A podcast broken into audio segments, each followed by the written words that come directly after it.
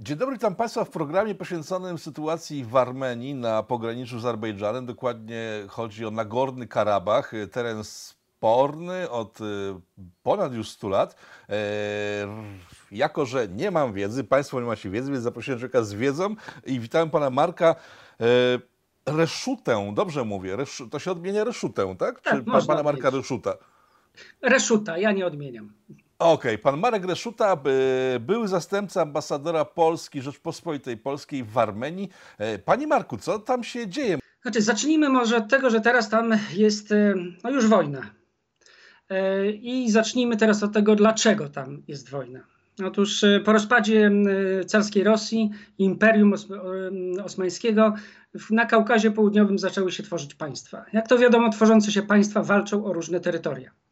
Jednym z takich terytoriów spornych, do dzisiaj spornych, jest Górski Karabach, do którego sobie rości prawo zarówno Armenia, i ta jeszcze Armenia, pierwsza republika z 1921 roku, jak i obecna Armenia, jak również ówczesne pierwsze świeckie muzułmańskie państwo azerbejdżańskie i obecny Azerbejdżan.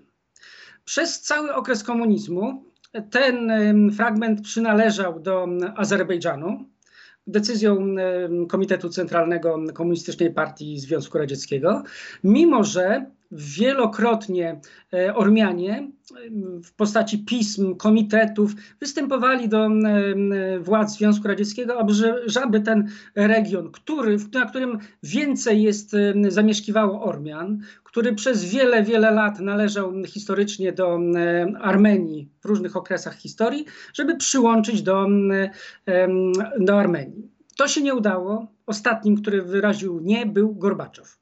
I wtedy w latach 91-94 już była regularna wojna o ten skrawek. To jest skrawek, to jest 11 tysięcy kilometrów kwadratowych. Wielkość województwa świętokrzyskiego. Ilość obecnie mieszkających tam ludzi, różnie to się mówi, ale to jest maksymalnie 150 tysięcy osób, prawda? A więc e, z naszego punktu widzenia, no cóż, o co się bić? No w każdym bądź razie jedna i druga strona mówi, że to jest ich terytorium. Dlaczego to jest, dlaczego to jest tak istotne terytorium, że jest tak, jest tak małe, e, mało ludności? E, czy, czy, dlaczego te państwa się biją? Bo ja rozumiem, że Armenia, która ma, jak twierdzą e, Armeńczycy, 5 tysięcy lat historii za sobą, e, te wszystkie tereny uważa za swoje i faktycznie przed tym, jak Sowieci, w, w sensie Lenin, bo to też o Leninie wspominają ci, ci, ci Ormianie, oddał specjalnie Azerom ten teren, żeby wzbudzić no, niechęć między tymi nacjami, to tam faktycznie była większość ormiańska. Później, w tej chwili, kiedy, kiedy, kiedy pana zatrzymałem, przepraszam najmocniej wypowiedzi, mhm E, lata, lata 90.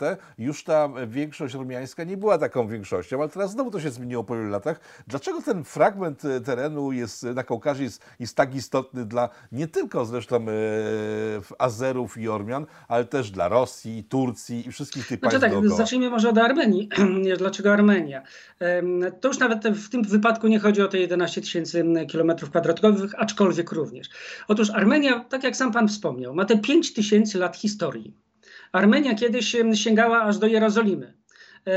Jeżeli już po, w późniejszych czasach, to oni e, twierdzą, że Armenia Zachodnia, do dzisiaj zresztą istnieje parlament Armenii Zachodniej, to jest praktycznie połowa Turcji.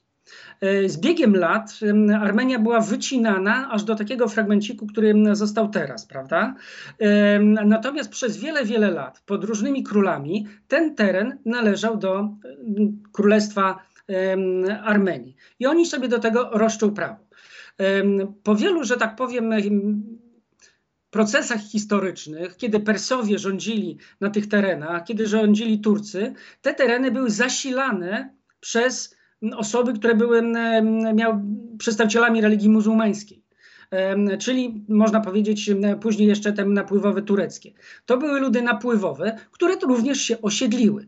Ale w XIX wieku Rosjanie zaczęli stosować taką politykę, że ponieważ jest to rejon dosyć ważny z punktu widzenia Rosji, to jest w zasadzie ostatni fragment chrześcijaństwa na tym terenie, oni zaczęli na nowo lokować Ormian z różnych innych terenów, z Turcji, z Persji i tak dalej, kosztem oczywiście kosztem oczywiście Azerbejdżanu. Kiedy rozwalił się Związek Radziecki, no każdy walczył o każdy możliwy fragment, prawda? Każdy chciał ten fragmencik sobie wyrwać. No spójrzmy na Gruzję. E, Gruzja, Abchazja, rejon Sinwali, tak zwana Osetia Południowa. Tam jest cały czas problem. E, jeśli spojrzeć na Armenię, no to Armenia cały czas jeszcze do, do lat 2000 e, była kwestia autonomii ormiańskiej w Gruzji. E, spójrzmy jeszcze na chociażby fragment w Gruzji, gdzie mieszkają Azerowie. Tam jest prawie 100 różnych narodów i każdy chce walczyć. Są trzy, że tak powiem, główne podmioty, które walczą między sobą o ten fragment. Dlaczego ten fragment jest ważny? On jest również kluczowy z punktu widzenia um, strategicznego. Chociażby dla um, Iranu jest to teren, jeżeli on jest pod kontrolą um, Armenii, jest to teren, który w jakiś sposób zabezpiecza ich od północy, prawda? I oni mają um, fragmencik połączenia e, z Armenią, oni mają z, z Azerbejdżanem, ale ten teren jest, że tak powiem, przez nich kontrolowany. E, Turcja, która ma oczywiście bardzo wielkie ambicje, jeżeli chodzi o rozwój. Teraz widzimy, jak prezydent Erdoğan w jakiś sposób w Libii jest aktywny, na Cyprze chciałby również mm, bardzo mocno wpływać i kontrolować, kontrolować Kaukaz Południowy. Ja już nie mówię tylko o Armenii. Chciałby kontrolować. Partnerem naturalnym dla niego e, jest Azerbejdżan a więc Azerbejdżan, który rości sobie prawa do też, jak oni twierdzą, swoich własnych ziem do, do Górskiego Karabachu. Dzisiaj miałem, przez przypadek spotkałem mojego profesora z liceum, też mnie spytał, o co chodzi w tym Górskim Karabachu. Ja mówię, no to jest 11 tysięcy kilometrów kwadratowych, 100 tysięcy ludzi. On mówi, dobrze, ile tam jest ropy, ile tam jest gazu? Ja mówię, no tam nie ma ropy ani gazu. Dobrze, złoto jest, uran, molibden. Ja mówię, nie, takiego czegoś tam nie ma, prawda? To co tam jest? Przepiękne góry. Oczywiście tam jest również świetny mikroklimat dla rolnictwa i Karabach rolnictwem stoi, ale jeżeli patrzeć z punktu widzenia współczesnej gospodarki, no bo dla Azerbejdżan ma gaz, ropę, jest bogatym państwem. Dla nich w tym momencie to nie jest kwestia zdobycia terytorium bogatego, tylko ojcowizny, prawda? Natomiast Armenia również uważa to za swoją ojcowiznę. A wszystko zaczęło się no, kilkaset lat temu, kiedy na tym terenie, gdzie jest Alba, Górski Karabach, było państwo, które się nazywało Albania Kaukaska. Albania Kaukaska? Albania Kaukaska. A co, czy to miało coś wspólnego z Albanią? Nic, nic taką kompletnie z, okay. z Albanią obecną nie miała nic wspólnego. Natomiast istniało to państwo, które do którego również tradycji roszczą sobie trzy państwa tak naprawdę. Trochę Gruzja pod kątem religijnym, Armenia ale również i Azerbejdżan. I tutaj ciekawostka. Nasi Polacy, turyści, którzy częściej jeżdżą do Gruzji niż e, do Armenii, mają problem z wjazdem do e, kompleksu Dawid Garedża. To jest kompleks na pograniczu gruzińsko-ormiańskim. W tym roku zajętym przez Azerbejdżan. Tam bardzo ciekawy w ogóle był ten, ten, ten cały obiekt, dlatego że chodząc sobie po obiekcie, przekraczało się granice. I momentami była ta ścieżka, która szła przez Azerbejdżan, ścieżka po, e, e, przez Gruzję. E, część, jakaś świątynka należy do Gruzji, jakaś świątynka jest wolna. W ogóle mnisi byli. Przyszli Azerowie, e, żołnierze azerscy, wygnali mnichów i nikomu nie pozwalają wchodzić. Kiedy to nastąpiło? To nastąpiło w kwietniu mniej więcej e, tego roku. E, także to no, kwiecień, marzec, tak mi się wydaje. W każdym bądź razie, a może jeszcze wcześniej, w każdym bądź razie, dlaczego im to jest tak potrzebne? Przecież Azerbejdżan to państwo muzułmańskie. Po co im w takim wypadku e, świątynie chrześcijańskie? Z tym, że właśnie o to chodzi, o tą Albanię. Albanię kaukaską, bo według świadectw historycznych te tereny należały właśnie do Albanii kaukaskiej. Te świątynie były budowane przez Albanów, czyli są jakieś tam fragmenty. A więc kto posiada ten, ten fragment, ten jest spadkobiercą tych terenów. A no, trzeba jasno to powiedzieć, Azerbejdżan potrzebuje his, historycznej legitymizacji posiadania niektórych terytoriów. A to jest bardzo właśnie ciekawe, bo jak przygotował się naszego spotkania, to tak, e, Ormianie oczywiście mówią o 5 tysiącach lat historii, e, ale mówią też, że Azerowie, e, głównie mówią o tym prezydencie, przy, przywódcy azerskim, że Azerowie twierdzą, że Albania to, tfu, że Armenia wcześniej w ogóle nie istniała, nie było takiego państwa, a to Azerbejdżan ma tysiące, tysiące lat tradycji. Która z tych stron mówi prawdę, a która nie? Znaczy będę tutaj niestety subiektywny. E, troszeczkę, jeżeli się tam wczytałem, no to niestety muszę powiedzieć, że starszym państwem, że tak powiem, jest jednak Armenia. E, no bądźmy szczerzy, że król Tigran III, e, twórca powiedzmy wielkiego imperium od Jerozolimy aż do Morza Czarnego e, i Morza Kaspijskiego, to jednak był twórcą państwa ormiańskiego, prawda? Natomiast Azerbejdżan, Azerbejdżan tak naprawdę państwo, które funkcjonuje pod tą nazwą, to jest 1921 rok. Owszem, to jest też 100 lat i no, oby jeszcze kolejne 200, proszę bardzo. Natomiast e, nie ma jednoznacznych śladów, że Albania jest. Od Albanii zaczął się Azerbejdżan. E, Azer Azerowie są, są narodem e, tureckim napływowym jednak na te terytorium. Rumianie są jednak osiadłym tutaj na tym teren, e, terytorium ludźmi. Owszem, no, tu można się spierać e, nad e, korzeniami, bo Ormianie twierdzą, że początkiem ich państwa jest państwo Urartu które istniało tam kilka tysięcy lat temu, prawda? I że od tego państwa Urartu chociażby Rywa nie, ma 2800 lat, twierdzą, bo to jest bezpośredni spadkobierca. Możemy jak najbardziej tutaj w tym momencie dyskutować, ale nie będziemy dyskutować nad jednym, że Ormianie tutaj byli. Owszem, pod innymi nazwami plemion, jako hajk, prawda? Ale jednak tutaj byli i to 2800 lat. Istnienie państwa ormiańskiego jest w wielu księgach wpisanych. Państwo azerbejdżańskie już aż tak do końca nie, natomiast oczywiście nie można zaprzeczać, że różne plemiona przemieszczając się żyły w różnych miejscach, tworzyły jakieś zalążki państwa azerbejdżańskiego. Natomiast nie już, gdybym miał twierdzić, kto jest starszy, to jednak Ormianie. Okej, okay. dlaczego akurat dziś e, zaczęła się ta wojna po raz kolejny? Bo przy, przypomnijmy, że e, 94 rok zdaje się, to jest końcówka poprzedniej wojny o ten sam teren i nagle wybucha znowu wojna. Dlaczego akurat teraz Azerowie ruszyli do ataku?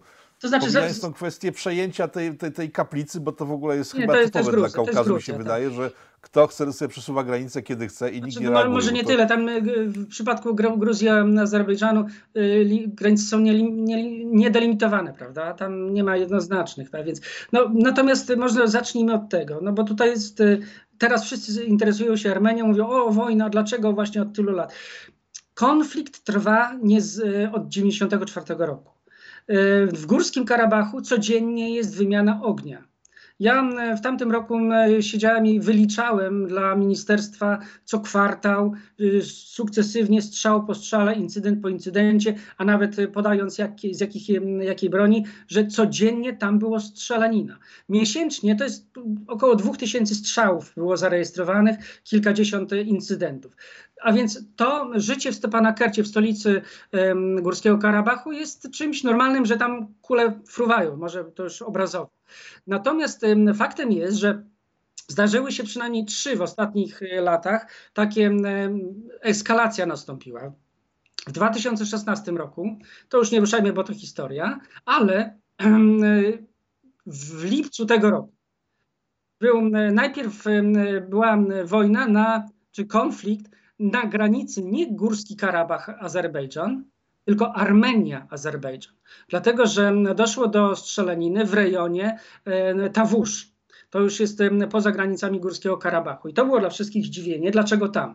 Moja teoria jest e, taka, że to był przypadek. Od przypadku się zaczęło, już tu nie wchodźmy w szczegóły. E, natomiast zaczęło być to strzelanina i według opinii ekspertów Azerbejdżan tę wojnę ten konflikt wtedy tam przegrał. I tu zaczynamy, że tak powiem, e, historię, dlaczego to się dzieje również dzisiaj. Dlatego, że e, ponieważ przegrał, a na Kaukazie utrata twarzy jest czymś bardzo, bardzo ważnym, prezydent Alijew szukał okazji, żeby się po prostu zrewanżować. E, zrewanżować właśnie za, za, ten, e, za przegraną. Tym bardziej, że w momencie tamtego konfliktu powstało bardzo dużo manifestacji, manifestacji wprost antyrządowych. Azerbejdżan jest państwem bogatym, Armenia dużo, dużo biedniejszym. I ludzie się dziwią, dlaczego my dostajemy łupnia od takiego mniejszego partnera. No i w tym momencie e, władze Azerbejdżanu musiały brać to pod uwagę, brać pod uwagę te niezadowolenie społeczne. To po pierwsze. Dlaczego teraz? y, kiedy pisałem pewną analizę, którą można znaleźć na moim Facebooku y, z tamtego okresu, napisałem, że do kolejno, kolejnego jakiegoś ataku, do kolejnej eskalacji dojdzie wtedy, kiedy świat będzie zapatrzony na inne cele. I napisałem wprost, na przykład kampania wyborcza w Stanach Zjednoczonych. Albo COVID. COVID to jeszcze też jest element bardzo ważny, ale akurat wtedy, te, dzisiaj ludzie patrzą na, na to, że chyba o godzinie 18 czasu amerykańskiego będzie pierwsza debata Trumpa i Bidena, prawda? Ludzie patrzą na Łukaszenkę. A więc to jest dobry czas, żeby ewentualnie to zrobić. COVID właśnie to jest kolejny ten element. Dlaczego COVID? Dlatego, że świat jest bardziej pasywny. Proszę zwrócić uwagę, że w trakcie COVID-u jest bardzo mało rozmów pokojowych, bardzo mało konferencji międzynarodowych. Praktycznie nic się nie dzieje. Świat zanim zdąży zareagować na coś, to już w tym momencie można zrobić blitzkrieg i zająć jakieś tam, prawda, te, terytoria. Kolejny element. Turcja się bardzo mocno uaktywniła w tym okresie. Erdogan nie powiem, że namawia, bo to oczywiście jest brzydkie słowo, ale dał wiele sygnałów mówiących o tym, że będzie popierał aktywnie Azerbejdżan w ewentualnym konflikcie w Górskim Karabachu. Prezydent Alijew mógł to zrozumieć dosłownie, tym bardziej, odbywało się bardzo dużo spotkań na wysokim szczeblu, stąd ewentualnie to mogło, mógł być jeden e, z tych, z tych elementów. No i jeszcze jeden element, który nabrzmiewał. Otóż w 2018 roku była zmiana władzy w Armenii. Do 2018 roku e, przy władzy był tak zwany klan karabachski czyli wszyscy dowódcy biorący udział, bohaterowie wojny o Górski Karabach. Prezydentem był Serge Sargsyan. I przy Serżu Sargsjanu praktycznie rozmowy pokojowe pomiędzy Azerbejdżanem i, Albanią, i Armenią praktycznie zamarły dlatego że Serb Sarksjan nie chciał się godzić na różne pomysły, w tym pomysły Rosji typu plan Ławrowa. E, plan Ławrowa, tam nie będę już w wielu elementach mówił, ale polega między innymi na tym, że oddaje się terytoria wokół Górskiego Karabachu, bo warto powiedzieć, że Armenia w chwili obecnej zajmuje nie tylko Górski Karabach jako Górski Karabach, ale siedem rejonów Azerbejdżanu wokół Górskiego Karabachu. Jest to dla niej taka strefa bezpieczeństwa.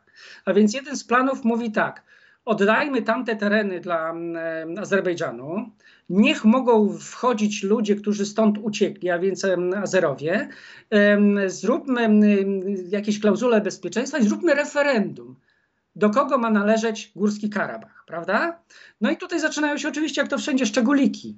Czy mają być, ma być to referendum według stanu obecnego, czy ma być to referendum, że wszyscy przyjezdni przyjadą sobie ci, którzy kiedyś mieszkali, ich dzieci, rodziny, kuzyni itd., tak itd. Tak no i to jest oczywiście również plan, na który Armenia się nie może nijak zgodzić. Bo wyobraźmy sobie, że jeżeli oddadzą te terytoria, to już nie mają żadnej karty przetargowej, a wkroczenie Kroczenie do Stepana Kertu y, z odległości 5 kilometrów, bo to są takie odległości tam, prawda?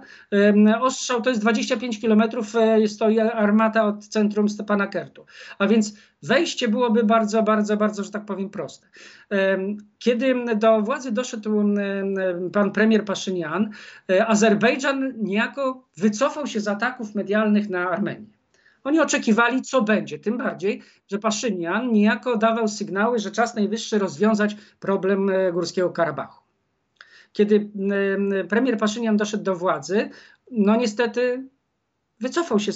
Jeżeli już Azerowie myśleli, że zaraz tutaj dostaną Górski e, Karabach, trochę się rozczarowali, dlatego że nie ma w Armenii polityka, który zdecydowałby się na to, żeby oddać komuś Górski Karabach. To jest strefa bezpieczeństwa strefa życia. Y, jak sądzę, nie był pan chyba w Armenii, ale jeżeli będzie pan miał możliwość rozmawiać z rodowitymi Ormianami, niech pan zapyta ich, co oni czują na informację, że oddałoby się jakąś tam ziemię, kiedy oni są w kleszczach między Turcją i Azerbejdżanem. I rozmawiałem wczoraj z nimi, oni w ogóle nie biorą tego pod uwagę w nie, żaden sposób. Nie ma możliwości. W, w, wczoraj, wczoraj jedna z dziewczyn, Ormianek, z którym rozmawiałem, powiedziała, Rafał, to jest tak, byście na przykład, nie wiem, e, musieli oddać e, Kraków Czechom. No, tu jest jeszcze gorzej z jednego punktu widzenia. Mamy ludobójstwo 1915-17 roku. Armenia do dzisiaj żyje. Tam nie ma rodziny, która nie, nie straciłaby połowy swojej, właśnie połowy rodziny. A więc wszyscy stracili i wszyscy doskonale wiedzą y, i boją się. Do dzisiaj się boją. Jako ciekawostkę powiem, no to akurat z moich obowiązków przez przypadek y, wyszło. W Armenii funkcjonuje nieformalny zakaz sprowadzania żywności i napojów z Turcji i z Azerbejdżanu. Tureckie towary można kupić w Armenii, ale nie można kupić łatwo tureckiej żywności i napojów, bo się boją podświadomie, że mogą zostać otruci.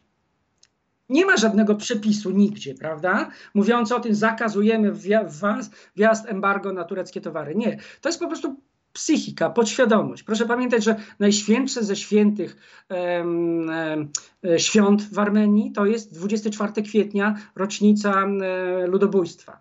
E, I tak notabene rozmawialiśmy nas przed wejściem o moim tym artykule, który jest w miesięczniku Układ Sił, który opisałem właśnie wojnę cybernetyczną pomiędzy Azerbejdżanem i Armenią. Azerowie doskonale wiedzieli, kiedy uderzyć. Oni tego dnia właśnie zaatakowali strony Muzeum Historii Ludobójstwa, e, strony, które oni specjalnie uderzyli w ten, w ten dzień. Doskonale to wiedzą. No i teraz pytanie, dlaczego teraz? No tych czynników jest dosyć sporo. Natomiast dosyć moim zdaniem bardzo ciekawe jest pytanie, dlaczego w tak ogromnej skali? To jest to jest pierwsze, pierwszy raz w tak ogromnej skali.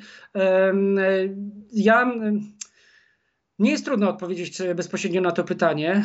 Y, mi się wydaje, że Alijew chce za wszelką cenę zdobyć jakieś terytoria, bo całości mu się nie uda. Gdyby chciał y, zdobyć cały Górski Karabach, no musiałby wykorzystać ze trzy grupy armijne, całe lotnictwa. Tam lotnictwa prawie w ogóle że nie rusza. Te ataki są bardzo mm, dobrze, że tak powiem, wymierzone strategicznie, ale nie na tyle, żeby ewentualnie zająć Górski Karabach. Górski Karabach może spokojnie obronić 6 tysięcy żołnierzy. To jest to są góry. Ktoś właśnie któregoś dnia na Facebooku napisał, że um, um, Azerbejdżan ma więcej czołgów niż, um, niż Armenia, prawda? Bo oni mają coś. Tak, 500 czołgów mają, a Armenia z, razem e, z Górskim Karabachem, Armenia jest oczywiście równinna, a Górski, Górski Karabach ma około 100 czołgów T-90C. E, Azerbejdżan przede wszystkim T-72 około 500 ale tymi czołgami tam nie ma jak walczyć. To są wąskie górki i ktoś mi kiedyś powiedział, specjalista od spraw militarnych, wystarczy 6 tysięcy dobrze umiejscowionych żołnierzy i nie ma możliwości, żeby ktoś zdobył e, ten fragment ziemi. Mhm. Jak to jest, bo to jest to pytanie, które sam pan przytoczył, stawiane przez Azerów. Jak to jest, że w 90 latach, kiedy trwała wojna, ta malutka Armenia e, pogoniła kota, mówiąc kolokwialnie w Azerom, wypychając ich ze swoich terenów? To była jakaś chyba sytuacja, kiedy mogli Baku zająć przed, przez chwilę. Mogli. Znaczy może to przesada, że mogli, ale mogliby, gdyby chcieli. To no, znaczy... Ale było w zasięgu, tak? I, tak. Ta, ta, i ta, ma, znaczy... ta, mała Armenia nagle wtedy dała syradę militarnie z, z, z, z Azerbejdżanem e, i dzisiaj już po kilku dniach wiemy, że armia, armia armeńska wypiera z zajętych miejscowości w, w, tą ogromną e, armię azerską, za którą zresztą stoi Turcja, bo to też podają informacje azer, az, e, armeńskie źródła, że e, strącane są tureckie drony, strącane, tak. że znajduje się sprzęt turecki, część, e, część przyjechała generalnie z terenu Turcji, bo to są jacyś syryjscy najemnicy. Jak to jest możliwe, że ci Armeńczycy są tacy no, zadziorni? Znaczy, zacznijmy od lat 90., e, końcówka lat 80., początek lat 90. Czyli początek tej wojny, to jeszcze tam troszeczkę Azerom Rosjanie pomagali, ale bądź, trzeba brać pod uwagę jedną rzecz. W okresie Związku Radzieckiego Azerowie, muzułmanie, nie byli dopuszczani do stanowisk dowódczych. Oni nie byli dopuszczani do stanowisk dowódcy dywizji, może najwyżej plutonu, prawda? E, natomiast Ormianie, Ormianie mieli bardzo dużo dowódców. Oni do dzisiaj się szczycą wielu marszałkami z II wojny światowej, generałami, bohaterami Związku Radzieckiego. Oni szczycą się wieloma oficerami, którzy brali udział w operacji afgańskiej, prawda? A więc to byli doświadczeni żołnierze, którzy przybyli na pomoc swoim pobratymcom, swoim bliskim. To byli bardzo doświadczeni dowódcy. Jeżeli szefem sztabu został człowiek, który prowadził operacjami w Afganistanie i to chyba bodajże trzy czy cztery tury pobył, bo nie chciano tak dobrego stratega zabierać z Afganistanu, mimo że oczywiście, jak wiemy, przegrali w Afganistanie, no ale straty byłyby większe, gdyby nie on. I on objął sztab generalny i od tego momentu zaczęto wypychać tak naprawdę Ormian. To po pierwsze, czyli kwestia dowództwa. Po drugie, nie zapominajmy o tym, że Ormianie, jeżeli tak sobie sięgnąć do historii, mają bardzo, bardzo bogatą przeszłość terrorystyczną. A więc te organizacje walczyły w Libii, e, w Libanie. Bohaterem ormiańskim jest Monte Melkonian, e, obywatel Stanów Zjednoczonych, który walczył na kilku różnych frontach i był, że tak powiem, ukochanym dowódcą Ormian. On ich prowadził do ataku, on ich uczył atakować. Po drugiej stronie i to jest właśnie ta kwestia, dlaczego również może dzisiaj trochę przegrywają, aczkolwiek już nie w takim stopniu. Proszę pamiętać, że Armenia to jest 99, no przepraszam, 95% to są Ormianie. Te pięć pozostałych to różne mniejszości: Gruzini, Rosjanie, Ukraińcy, Polacy, e, Jezydzi i tak dalej. Natomiast po drugiej stronie mamy państwo klanowe i mamy państwo wielonarodowe. Tam są przecież Lezgini, tam są Awarce, tam są Tałysze, tam są bardzo mocno występujące separatyzmy. E, niech pan sobie rzuci okiem w internecie, zobaczy, że istnieją strony internetowe po rosyjsku w, w Rosji e, o konieczności oderwania różnych fragmentów ziem od e, Azerbejdżanu.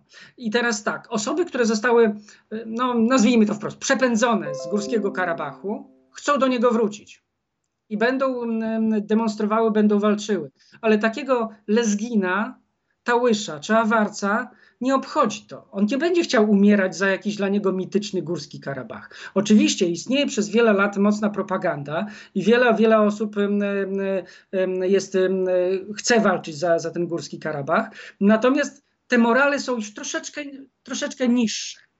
Dodajmy jeszcze do, tych, do tego Ormian właśnie te doświadczenia ludobójstwa. Oni powiedzieli sobie nigdy więcej. Nigdy więcej nikt nie zrobi na nas ludobójstwa.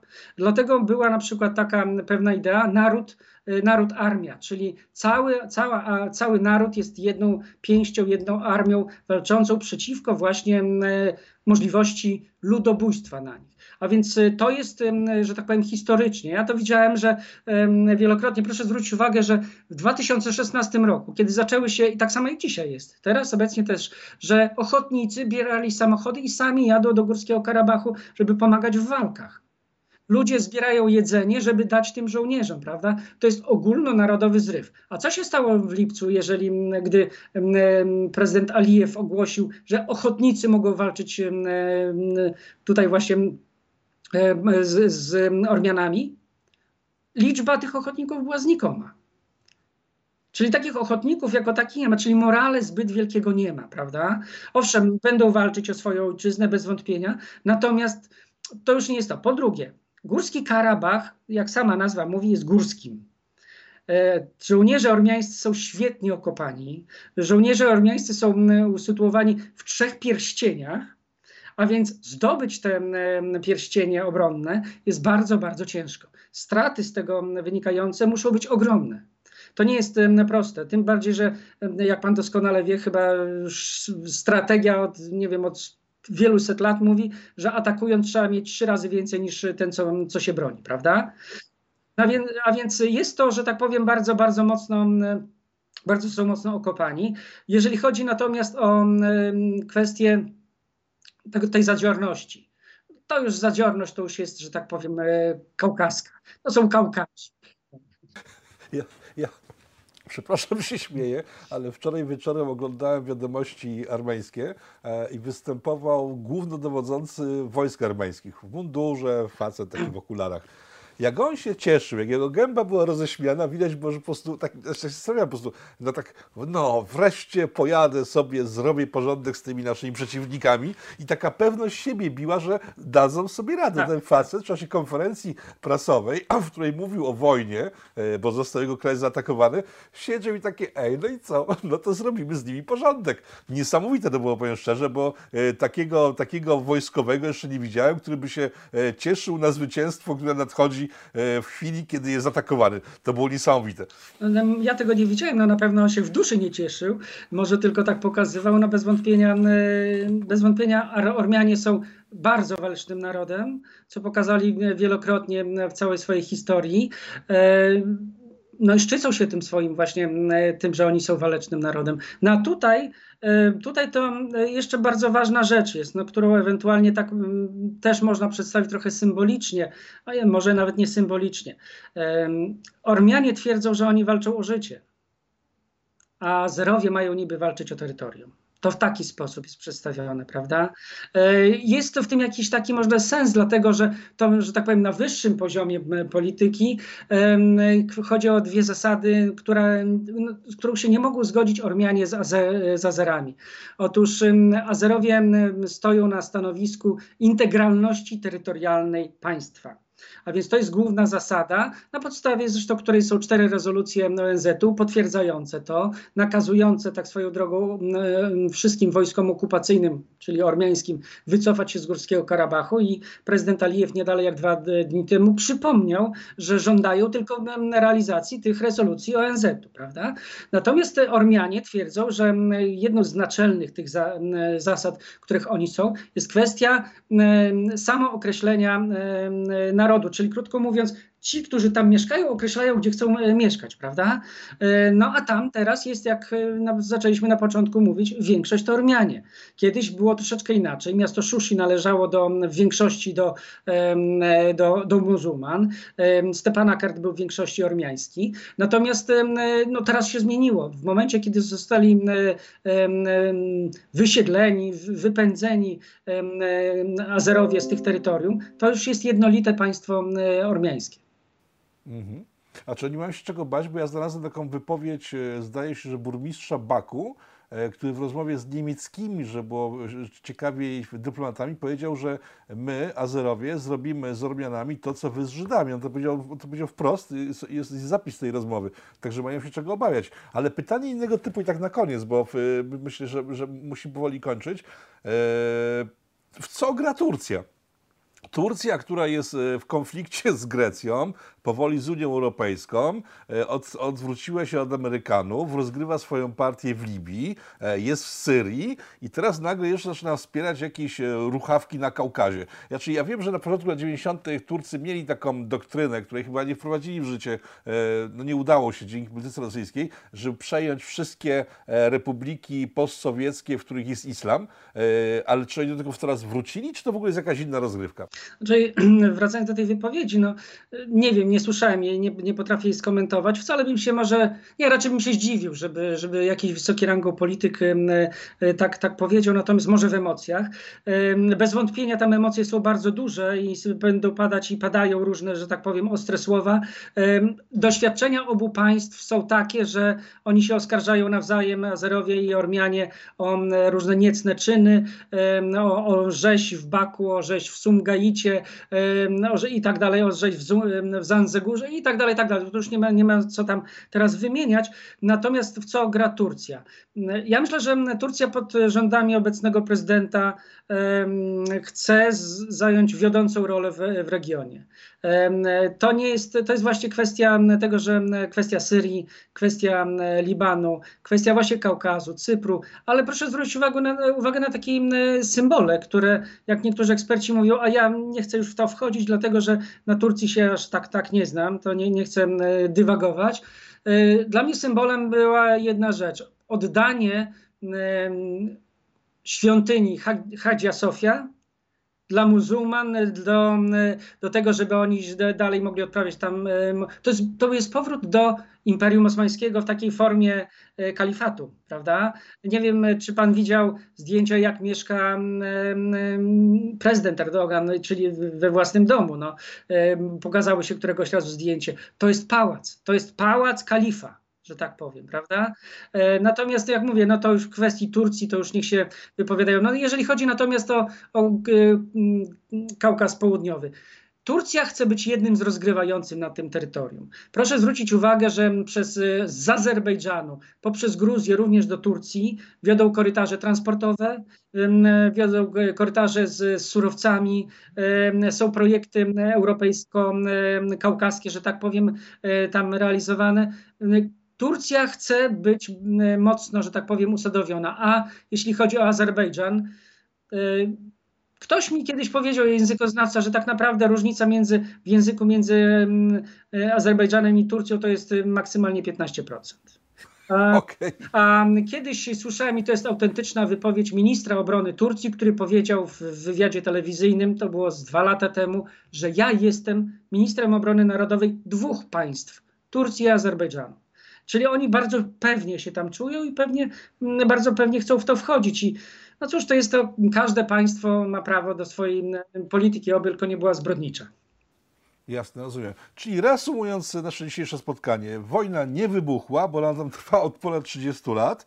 E, Wzmożyły Może inaczej, tylko ko- działania. konflikt trwa od 30 lat, a teraz wybuchło coś na kształt wojny. Ja bym, ja bym to nazwał wojną, dlatego że to siły, środki, jakie zostały w chwili obecnej użyte. E, i liczba ofiar, to już, my, owszem, my możemy używać miękkich słów, o konflikt, o na, napięcie, no, nazwijmy to wprost po imieniu. W chwili obecnej między Armenią a Azerbejdżanem trwa wojna, tym bardziej, to warto jeszcze już na koniec e, zwrócić uwagę, że dzisiaj doszło do ostrzału ormiańskiego miasta, Wardenis. A więc to już nie jest, że tak powiem, konflikt tylko na granicy Górski Karabach, Azerbejdżan, jeśli można tak powiedzieć, bo takiego według prawa międzynarodowego takiej granicy nie ma. To już został ostrzelany Wardenis. Trzeba to obserwować i w chwili obecnej nie ma żadnego rozjemcy tam. Putin, nie wiemy dlaczego, spokojnie sobie to wszystko patrzy. Dwa dni temu powiedział, że on nie miesz, Rosja nie miesza się w wewnętrzne sprawy innych państw. Dosyć taka, że tak powiem, em, dziwna wypowiedź. Czas, żeby powiedzmy grupa mińska, która odpowiada za ten konflikt, aktywnie przystąpiła do, do rozmów z, z Azerbejdżanem e, i z Armenią. Dlatego, że tam coraz więcej jest ofiar, coraz więcej będzie ofiar cywilnych, co gorsze Rozumiem. Szanowni Państwo, Marek Reszuta, był ambasador Polski Rzeczpospolitej. Z... Przepraszam Zastępca.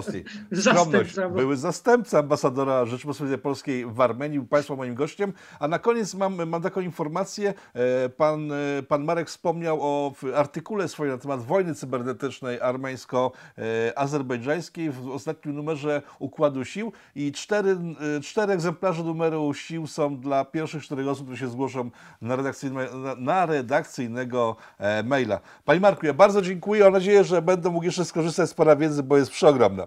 Dziękuję Państwu, do widzenia.